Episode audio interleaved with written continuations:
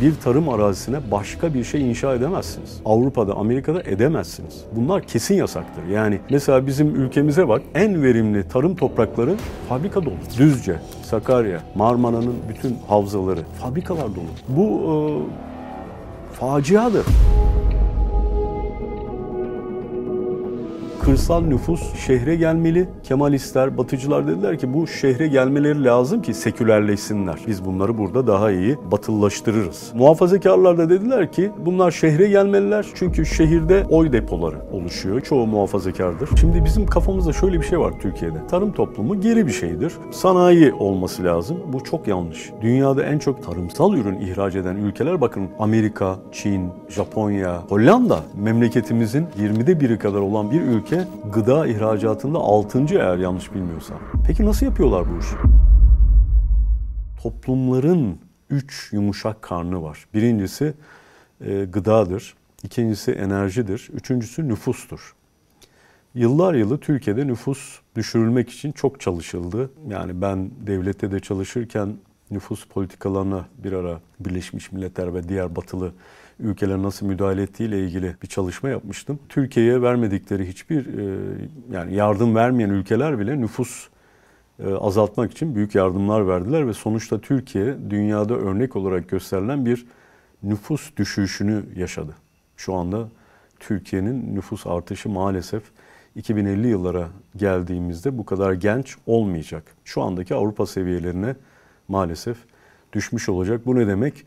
Az çalışan, çok yiyen, az risk alan, çok güvence arayan, e, dolayısıyla dengesi bozulmuş bir toplum. Aslında bir toplum e, nüfus konusunda çok çok dikkatli olmalıdır. Bu konuda zaten bir zaafımız var. İkincisi e, gıda dedik, onu birazdan konuşacağız. Üçüncüsü enerji. Çünkü şimdi de görüyorsunuz Rusya vanaları kapattı mı Avrupa'nın birçok ülkesini kilitliyor. Bunların üçü de bağımlılıkla ilgili şeydir. Aynen bir insanın e, belli bir gıdaya veya belli bir faaliyete bağımlı olması gibi. Onsuz yapamaması gibi. Onu kendisi üretemiyorsa başkalarının üretenlerin elinde oyuncak olma ihtimali çok yüksektir. Ülkeler maalesef insani gerekçelerle bu işlerden uzak durmuyorlar. Yani e, karşıdakinin ümüğünü sıkmak için elinden gelen her şeyi yapıyorlar. Bu konuda ahlak falan dinlemezler. O ahlak denen laflar onlar e, lafta kalan şeylerdir. Şimdi gıdayı insanın kendi kendine üretmesi çok zordur. Yani hepimizin bir yerde tarlası yok veya bir yerde ağacımız yok. Hep e, ülke içinde de birilerine bağımlıyız. O bir zincir. Eğer bir ülke kendi içinde e, tarımsal üretimini belli bir seviyeye getiremediyse ki o da şu andaki nüfusunu doyurmakla ilgili değildir. Gelecek nesilleri de doyurabilecek şekilde şimdiden altyapı hazırlamakla ilgilidir. O ülke mutlaka büyük bir e, sıkıntı yaşar. Yani bizim krizimiz yok, e, kimseyle düşmanlığımız yok, bize bir şey olmaz, böyle denmez. Çünkü bu bir e, dinamo etkisi gibidir. Mesela Hindistan Türkiye'ye vereceği buğdayı şimdi iptal etti. Değil mi? Öyle bir şey var. Peki Hindistan bunu niye iptal ediyor? Halbuki kendisi üretiyor. Diyor ki ya bizim üretimimizde bir sıkıntı oluyor. Ee, önce kendimizi düşünmek zorundayız. Tabii yani e, o yüzden devletlerin kendi içlerinde yeterli olması, bağımlılıklarını mümkün mertebe azaltmaları çok önemli bir şey. Sana ilginç bir rakam söyleyeyim. Gıda konusunda yani tarım ürünleri ihracatında en çok ihraç eden ilk 10 ülke arasında biz yokuz. İlk 10 ülke hemen hemen tamamı e, batılı ve sanayileşmiş ülkeler. Şimdi bizim kafamızda şöyle bir şey var Türkiye'de. Yani sanayi toplumu bir şeydir, tarım toplumu bambaşka bir şeydir. Sen tarım toplumu geri bir şeydir, kalkınamaz, sanayi olması lazım. Sanki tarımı böyle geride bırakıp dışarıya atıp sanayiye gidiliyormuş gibi bir e, kafa yapısı var. Bu çok yanlış. Dünyada en çok ihraç yapan tarımsal ürün ihraç eden ülkeler bakın Amerika, Çin, Japonya, Fransa, Almanya, e, Hollanda. Yani bizim memleketimizin neredeyse onda biri bile değil 21'de 20'de biri kadar olan bir ülke dünyada gıda ihracatında 6. eğer yanlış bilmiyorsam. Peki nasıl yapıyorlar bu iş? Yani toprakları bu kadar az. Ve sanayi ülkesi aynı zamanda Hollanda. Çünkü tarıma önem veriyorlar. Tarıma önem verdikleri için sanayi ile beraber tarım hatta çoğu kere entegre Yani sanayinin bir kısmı zaten gıda işleme sanayi yani ham madde olarak satmıyorlar bizim gibi. Ee, onu işliyorlar, mamul haline getiriyorlar. O şekilde satıyorlar. Katma değeri yüksek. Bu gibi teknik konulara çok girmek istemiyorum ama başka bir şey daha söyleyeyim. Dünyada en çok yiyecek ithal eden ülkelerde hemen hemen aynı ülkeler. Hemen hemen. Bu ihraç eden ülkeler gibi. O neden? Çünkü o ülkeler ithalatı e, kestikleri zaman genelde aç kalmazlar. Bir, yeterince gelirleri var. Çünkü sanayileşmiş durumdalar. İki, aslında o ürünleri, kendi tüketebilecekleri ürünleri kendileri üretebiliyorlar. Kendilerine yeterliler çoğu. Fakat şu anda tercih etmiyorlar çünkü daha ucuzunu alıyorlar. Yani Asya'dan, Latin Amerika'dan, Afrika'dan daha ucuzunu alıyorlar. Şu anda işlerine gelen kar ettikleri bu. Ee, bugün Amerika Birleşik Devletleri milli gelirinin sadece yüzde biri tarımdan elde ediliyor. Yüzde bir. Yani küçücük bir rolü var güya tarımın. Amerika'nın milli geliri şu anda 22 trilyon dolar galiba. Küçücük bir parça. Fakat Amerika çiftçilere 16 milyar dolar yılda e, destek veriyor. Avrupa Birliği yılda 60 milyar avro Avrupa'daki e, çiftçilere destek veriyor. Peki bu adamlar bu kadar sanayileşmiş. Bu tarıma niye bu kadar çok önem veriyorlar? Amerika'da Kaliforniya tek başına, Kaliforniya eyaleti tek başına dünyada üretilen pek çok gıda ürününün, tarımsal ürünün üretildiği yer. Yani fındık bile yetişiyor orada. Her şeyi yapıyorlar. Çünkü bizde olmayan bir şey var. Orada onlar yaptıkları işlerde acil davranmıyorlar, akıllı davranıyorlar, geleceği hesap ediyorlar ve dünyada olabilecek olayları hesap ediyorlar. Kritik olaylarda offside'a düşmemek için, kendi halklarını sıkıntıda bırakmamak için ve milli güvenlik sorunları yaşamamak için. Çünkü gıda sorunu, enerji sorunu, nüfus sorunu bunlar aslında milli güvenlik sorunudur. Yani bir ülkenin bekasıyla ilgilidir tabii ki. E şimdi biz e, açıkçası enerji konusunda dışa bağımlıyız. E, nüfusta bir mülteci e, akını var olabilir. Fakat mülteci akınını kontrol e, etme sıkıntımız var. Yani bu çok önemli bir şey. Mülteci kabul etmek bir şeydir. Mültecileri kontrol etmek ayrı bir şeydir. Çünkü o zaman kendi nüfus yapın, kendi istikbalinde bir takım sorunlar ortaya çıkabilir. Bugün Almanya'da da var mülteci, Amerika'da da var. Eskiden beri var. 12 Eylül darbesi oldu. Türkiye'deki sağcı solcu herkes e, birçok insan Almanya'ya, Avrupa'ya, Fransa'ya gitti. Fakat orada her biri teker teker o devletler tarafından takip edilir. Her bir derneğin, her bir oradaki Türk oluşumunun e, yani en sağdan en sola kadar e, mutlaka devlet e, onu takip eder. Belli sınırlarda onları tutar. Yani dolayısıyla biz bu konularda kırılganız. Bir de şu yanılgımız var. Yani e, çiftçi olmak düşük bir meslektir. Bizde öyle değil mi? Yani rençber deriz ya. Rençber Farsça çile çeken demek. Renç çile demek. Hani beni rencide etme diyoruz ya oradan geliyor.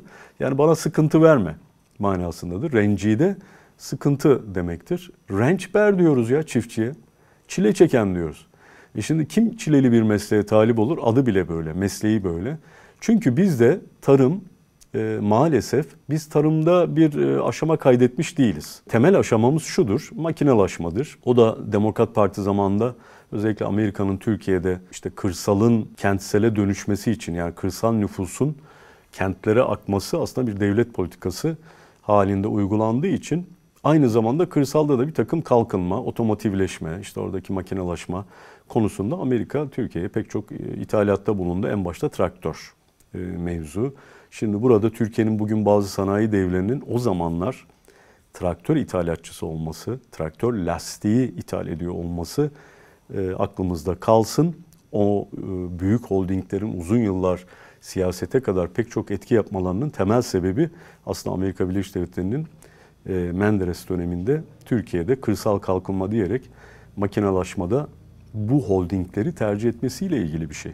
Şimdi Türkiye tabii ki tarımda birçok kademe kaydetti e, ama devrim yapmadı. Ben bunu söylemek istiyorum. Yani GAP mesela Özal zamanında e, başlanan bir şey çok büyük bir proje, çok önemli bir proje. Türkiye'nin atıl bırakılmış Harran Ovası gibi devasa bir ovasını verimli hale getirmek üzere yapılmış. Bu gibi şeyler yapıldı. Tabii ki işte Güneydoğu'da sulama amaçlı, enerji amaçlı santrallerin yapılması yapılmadı değil onu söylemiyorum. Yeterli değil. Bir, iki stratejik akılla yapılmıyor. Diğer ülkeler öyle değil. Mesela Hollanda yine söylüyorum. Hollanda'da bir tarım arazisine başka bir şey inşa edemezsiniz. Avrupa'da, Amerika'da edemezsiniz. Bunlar kesin yasaktır. Yani mesela bizim ülkemize bak en verimli tarım toprakları fabrika doludur. Bursa Ovası'nın halini düşün. Bu e, faciadır. Yani Türkiye'nin en verimli to- tarım toprakları Düzce, Sakarya, Marmara'nın bütün e, havzaları, yine Ege, yine Antalya. Bakıyorsun e, fabrikalar dolu. Fabrikalar verimsiz yerlere yapılır. Çünkü fabrika toprak kullanan bir şey değil. Toprağa sadece oturması gerekiyor. Bir araziye oturması gerekiyor. Her arazi mümbit değil. Yani tarıma elverişli değil. Tarım toprakları ucuzdur. Tarlayı alır e, bir fabrika, devasa bir fabrika kuruyorsun ne fabrikasıysa. Çok ucuza e, o maliyeti, yatırım maliyeti düşer. E şimdi bunların hepsi geliyor geliyor yönetim zaaflarına bağlanıyor. Yani bir ülkenin geleceğini o toprakları, en verimli toprakları toprağı kullanmayacak binalara e, çok ucuza vermek e, açıkçası e, ülkenin geleceğinden çalmak demektir. Biz bu yanlışı hala yapıyoruz. İşte yakın zamanda eğer bir yanlış bilmiyorsam bu tarım topraklarının başka bir sebeple işgal edilmesini engelleyen bir kanun tasarısı vardı. Belki çıktı belki çıkmadı bilmiyorum. Fakat öyle olması gerekir. Turizm amaçlı bile kullanılmasına pek müsaade etmezler. Tarım toprağı tarım yapılacak yerdir.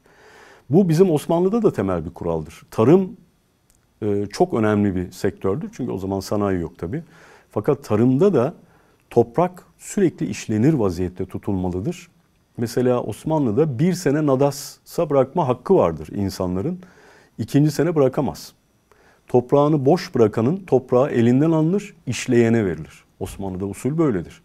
Toprağı e, verimsiz bırakamaz. Bugün yaşadığımız e, kıtlığın sebebi daha çok arz güvenliği. Yani üretim yapan devletlerin üretimlerinin ya az olması ya da ihraç etme, gönderme, e, tedarik diyoruz. O zincirlerdeki kopmalar. Yani Ukrayna'da savaş oluyor. Ukrayna dünyada ilk yanlış hatırlamıyorsam buğday üretiminde ilk onda o da.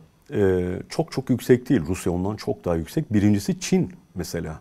Biz bunu da bilmiyoruz. Çin aslında genel tarımsal üretimde bir numara. İkincisi Amerika Birleşik Devletleri.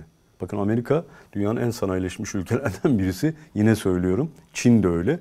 Bunlar tarımı asla bırakmıyorlar. Peki bu sıkıntı nereden geliyor? Ukrayna'da savaş çıkınca bir topraklar ekilemiyor.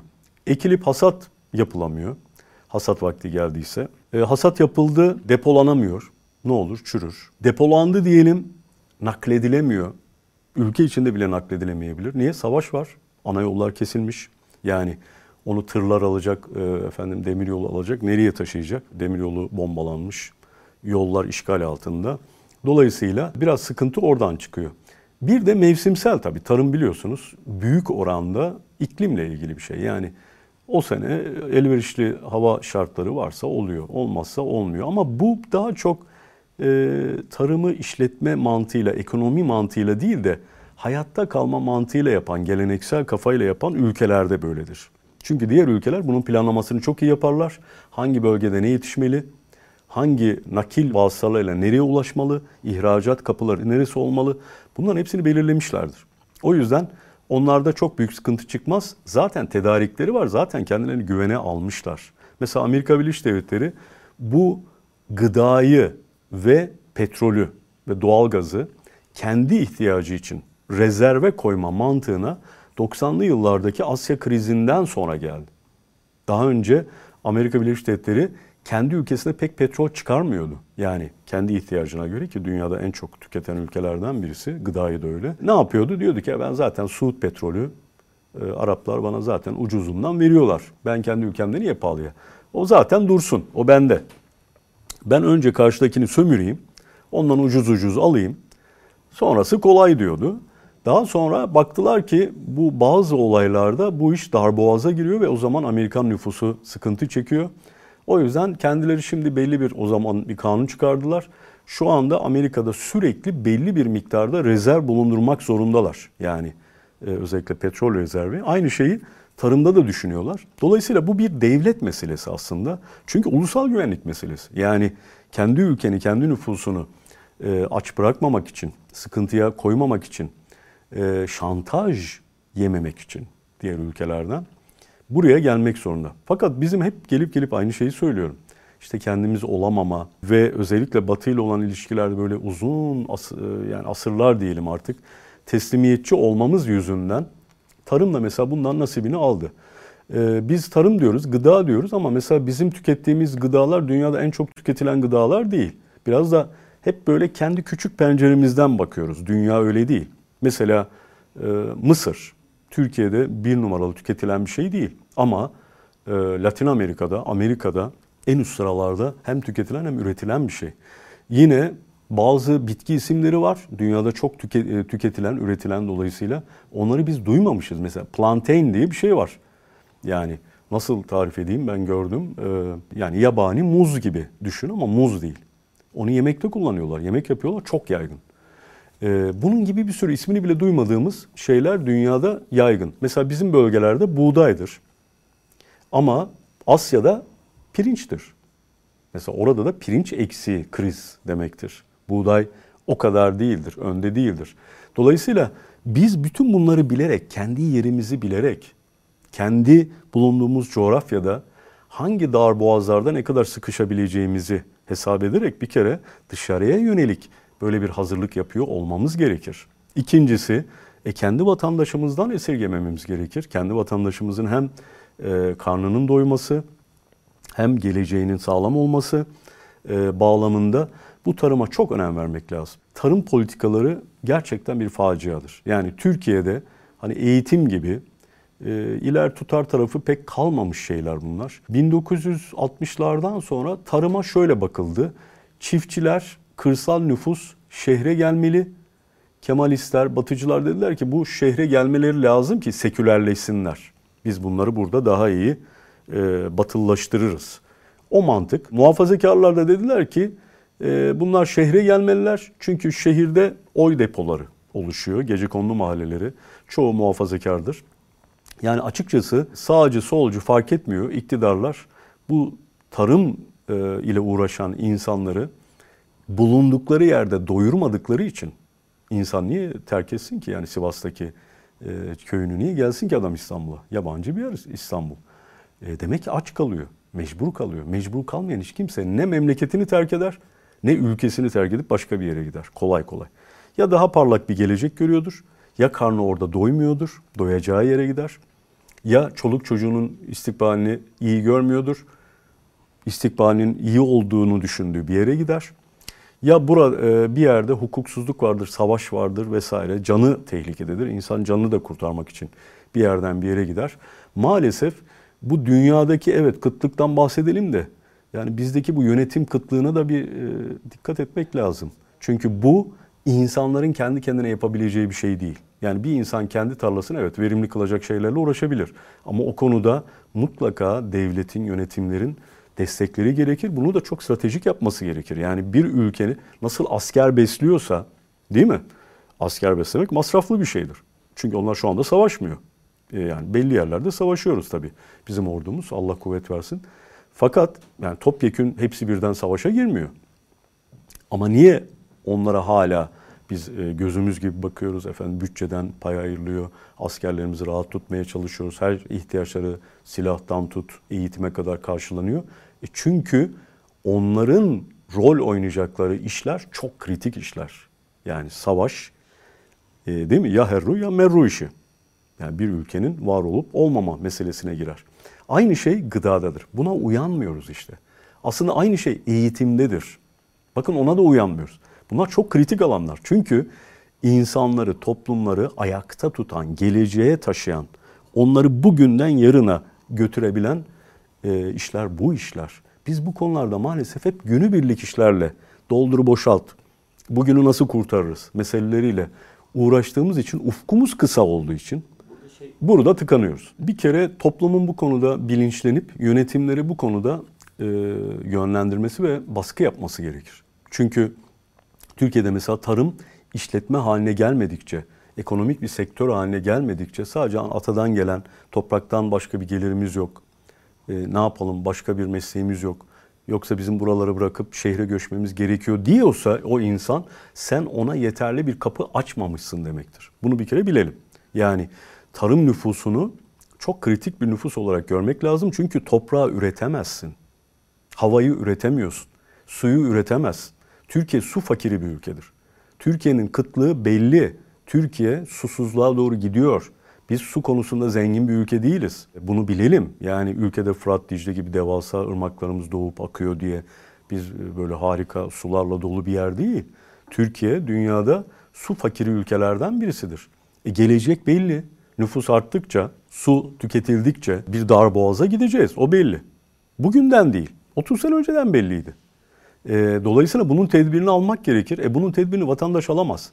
Vatandaş kendi dünyasıyla ilgilenir. Devletin görevi onların o dünyalarının üstünden onların geleceklerini e, kurgulamak ve onlara yollar açmaktır. Şimdi Hollanda hükümeti ne yapıyor? Bu kadar sanayi e, değil mi ülkesi? Tarımla ilgili her vatandaşına ne yaptığını biliyor. Nerede ne yapıldığını çok iyi biliyor. Onlara destekler veriyor. Bütün Avrupa Birliği korkunç destekler veriyor. Hatta en çok tartışma konusu olan Avrupa Birliği'nde tarım politikalarıdır her zaman. Yani ne kadar parayı hangi sektöre vereceğiz, hangi ürüne vereceğiz? Bunlar tartışılır her zaman. E biz tarımı üvey evlat gibi, zaten üstümüzden atmamız gereken bir yük gibi, rençberlik değil mi? Yani bu topraktan kurtulamadık, köyümüzden kurtulamadık. Bizde köy bir nevi harabedir. Yani öyle algılanıyor. Şık olan şey gelip bir apartmanda oturmaktır. Efendim devlette bir yerde kapıcı olayım, hademe olayım. E, yeter ki e, çiftlikte durmayın. Bunu bir insan niye söyler? E, tarlada geçinemiyorsa söyler. O onun karnını artık doyuramıyorsa, evlatlarını o seviyeyi köyde veremiyorsa. Bizim o yüzden gerçekten eğer dünyada da e, sıkıntıya girmek istemiyorsak uluslararası ilişkilerde bu yumuşak karınlarımızı, bu bizi ayakta tutan, canlı tutan e, enerji, tarım, eğitim bunlar çok önemli. Su, sulama bunları çok çok iyi e, yönetmemiz lazım. Türkiye'de genelde bilgi eksiği yok. Türkiye'de yönetme eksiği var. Benim bütün devlet tecrübemden elde ettiğim şey bu. Yani Türkiye'de iyi niyetli insanlar da bulunuyor, bilgili insanlar da bulunuyor. Fakat bunları yöneten ve geleceğe taşımak isteyen genelde e, bir yönetme aklı eksik oluyor. İnşallah onu da kendimiz olarak kendimizi e, yeniden karakterimizle, kişiliğimizle, dünyadan yerimizi bilerek tanımladığımızda ve insanlarımızla o şekilde yetiştirdiğimizde inşallah e, hem daha güvenli bir ülke hem de daha güvenli bir bölge ve dünyaya büyük katkılar sunacağız.